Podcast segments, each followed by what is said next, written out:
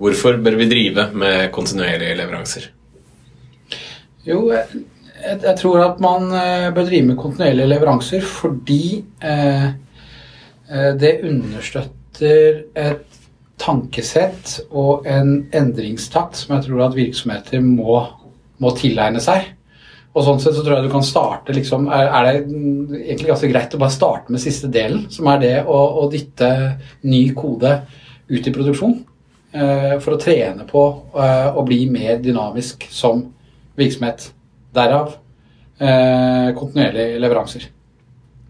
Så i stedet for å starte med å jobbe hardt med forretningsdelen, så optimaliserer du utviklingsdelen og leveransedelen. Sånn at du kan bli flinkere til å Eller sånn at den kontinuerlige kulturen kan spre seg tilbake igjen til forretningsdelen. Ja, det er det jeg tenker. Jeg tenker liksom at Istedenfor å starte i en ende som på en måte som er liksom, liksom vanskelig å måle hvor dynamisk ender opp med å bli, da, mm. så tenker jeg at start med kontinuerlige leveranser. Begynn å putte eh, ny kode ut i produksjon eh, fortløpende. Og benytt det som en brekkstang for å få dynamikk i de forutgående prosessene. Det gir deg en annen måte å tenke på. ikke sant? Du må liksom eh, gjøre ikke liksom, men du må gjøre kontinuerlige endringer fortløpende. Og, og da kommer du i det mindsettet eh, umiddelbart eh, Om ikke umiddelbart, så i hvert fall eh, liksom eh, raskere.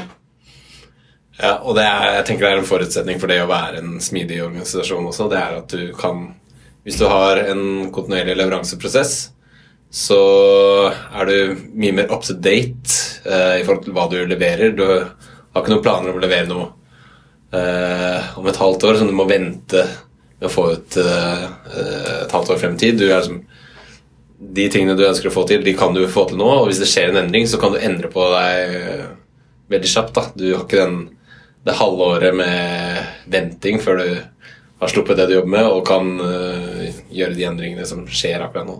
Ja, jeg tenker også at liksom det er en metode som understøtter eh, programvareutvikling, mykvareutvikling. Altså dette er jo noe vi kan forme eh, fortløpende.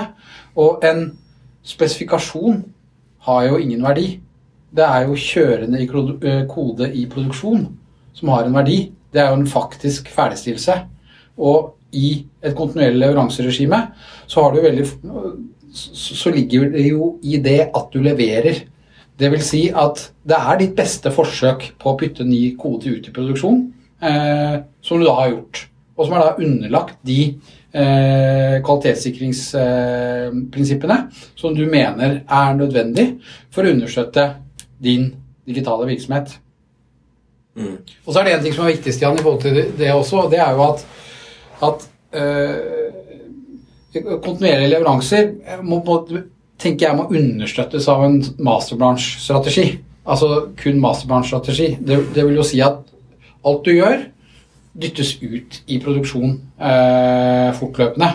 Fordi det, det, dyrker jo det mindsettet som du trenger. Og det betyr at du bare opererer med kortlevde eh, feature branches i utviklingsdelen som du putter inn på, på, på master fortløpende og, og, og, sender ut.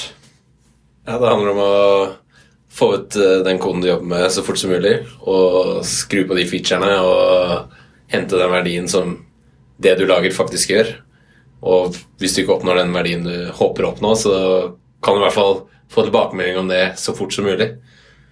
Ja. Altså, den kontinuerlige leveransedelen Eh, er lik eh, mulighet for kontinuerlig gevinstrealisering. Ja. Og det Hvis du ikke leverer kontinuerlig, så er det ikke noen mulighet for å få reell eh, feedback fra atferd, som er den beste feedbacken du kan få. Mm. Samtidig så er det liksom også litt sånn eh, todelt, dette her. ikke sant? I, i, i forhold til at Eh, at eh, utviklingsdelen vil også gjerne ha kode ut i produksjon. Det blir liksom å på en måte vanne der hele tiden. da. Eh, mens kanskje forretning vil ha en litt annen takt på, på, på virksomheten.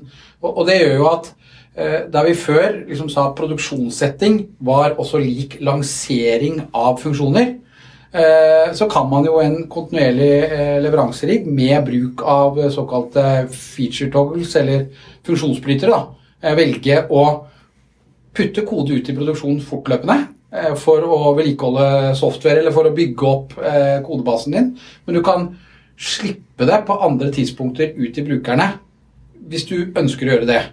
Og, og du kan selvfølgelig også på en måte eh, lansere det litt sånn eh, eh, justert, i den forstand at du kan slippe på noen brukere først for å teste ut reaksjoner, og så slippe ut på, på flere brukere etterpå. Da. Så, slik at eh, det er ikke liksom løpende sånne små banks man nødvendigvis eh, legger opp til hvis man eh, tenker at man må ha litt mer før man ønsker å gå, gå ut med det, eller teste det for en mindre gruppe. Men, men, men, det, men, det, er liksom mindsettet er allikevel viktig i forhold til levere kontinuerlig. Få eksponert det du lager for brukerne. Få reelle tilbakemeldinger der reelle tilbakemeldinger kan gis, og dra det tilbake igjen i eh, eh, spesifikasjonsarbeidet ditt, slik at du får en reell sånn bygge, måle, lære-loop eh, som drives av eh, den kontinuerlige leveransefilosofien understøttet av den masterbranch-strategien. Slik at det går og går og går på mange måter. Min erfaring er også at eh, feature toggles er ekstremt nyttig. fordi innad i teamet så er det ekstremt viktig å hele tiden pushe koden man jobber med få det inn i masterbransjen, få liksom små deltaer på den koden du har ute i produksjon. Men funksjonelt sett så eh, kan vi jo se at eh, brukere kan bli lei av at det hele tiden kommer endringer. Eh, og i app-verden så må man jo faktisk oppdatere appene. Mm. Nå skjer jo det mer og mer automatisk i noen tilfeller, men samtidig man skal passe seg for å liksom, hele tiden tvinge brukeren til å måtte oppdatere systemet eller ta stilling til nye endringer. Så der vil det jo kanskje være bedre å bolke ting sammen og lansere det. Kanskje i mange systemer vi jobber med, så er det ekspertbrukere som jobber, har et arbeidsverktøy. Da kan det være nyttig å gi noe informasjon sammen med det du lanserer. Men for teamet så er det ekstremt nyttig å bare kunne pushe ut hele tiden. Og da er, som du sier, funksjonsbrytere eller feature toggles ekstremt nyttig så henseende. Ja, og så er det på en måte også et annet uh, aspekt da, som jo er, er, er, viktig å forstå i forbindelse med kontinuerlige leveranser. Du nevnte apper osv. Mm. Men altså, jeg, jeg, jeg, tenker at dette er en måte å jobbe på også for store systemleveranser. Vi, vi har jo jobba sammen, vi Stian, på store samfunnskritiske systemleveranser der vi har hatt eh, kontinuerlige leveranser, eh, master branch, eh, feature toggles og hele den mentaliteten som en drivkraft for å få frem eh, fremdrift, eh, bygge, måle, lære looper osv. Slik at dette gjelder for, for, for, for, alt, og ikke bare for liksom eh, liksom mer eksperimentelle delen av, av, virksomheten. Vel så viktig at du bygger dynamikk inn i kjernen av virksomheten din. Inn i eh, brokerne, i mellomvaren eh, osv. For det ligger vel så mye, hvis ikke kanskje mer konkurransekraft der enn ja, altså, eller i hvert fall, Om ikke enn i front, så, så ligger det også øh, veldig mye der. Da. Og det å ha den dynamikken innbakt i hele verdikjeden er jo det, det som gjør at du er kontinuerlig leveranseorientert, og at du også reelt sett da kan drive med kontinuerlig gevinstrealisering. Enig, og jeg tenker også at uh, kontinuerlige leveranser øker produktiviteten veldig det, er, det, følger jo egentlig getting things done-prinsippet. Altså Du deler opp oppgavene i små biter som du kan ta tak i der og da, som du kan løse, og som du kan få igjennom. Og bare det å få ting igjennom, få sånne små oppgaver gjort hele tiden, det gir en ekstrem tilfredsstillelse til teamet, ekstrem motivasjon. Det er mye morsommere å jobbe i en sånn rigg hvor du hele tiden leverer og ser resultater av det du jobber med hver dag. Du slipper å vente flere måneder på på å se det du har jobbet med, bli brukt. Og, og så har du på en måte også en annen ting, uh, og det er jo at uh, Igjen i forhold til eksempler vi har, vi, vi har opplevd liksom, i det virkelige ved å bruke kontinuerlige leveranser, og det er at det du tror du skal lage, og enda ganske svære ting, ender opp med å bli nedprioritert og bli til noe ganske lite når du får praktiske erfaringer der ute. Så du har på en måte en helt annen investeringsstyring òg, ikke sant. Så, så, så liksom Det her eh, funker. Og, det har funka kjempebra i, for, i, i forhold til å liksom ha riktig eh, fokus og, og, og, og, levere målrettet. Har mange skikkelig gode eksempler på det. Kontinuerlige leveranser, Stian.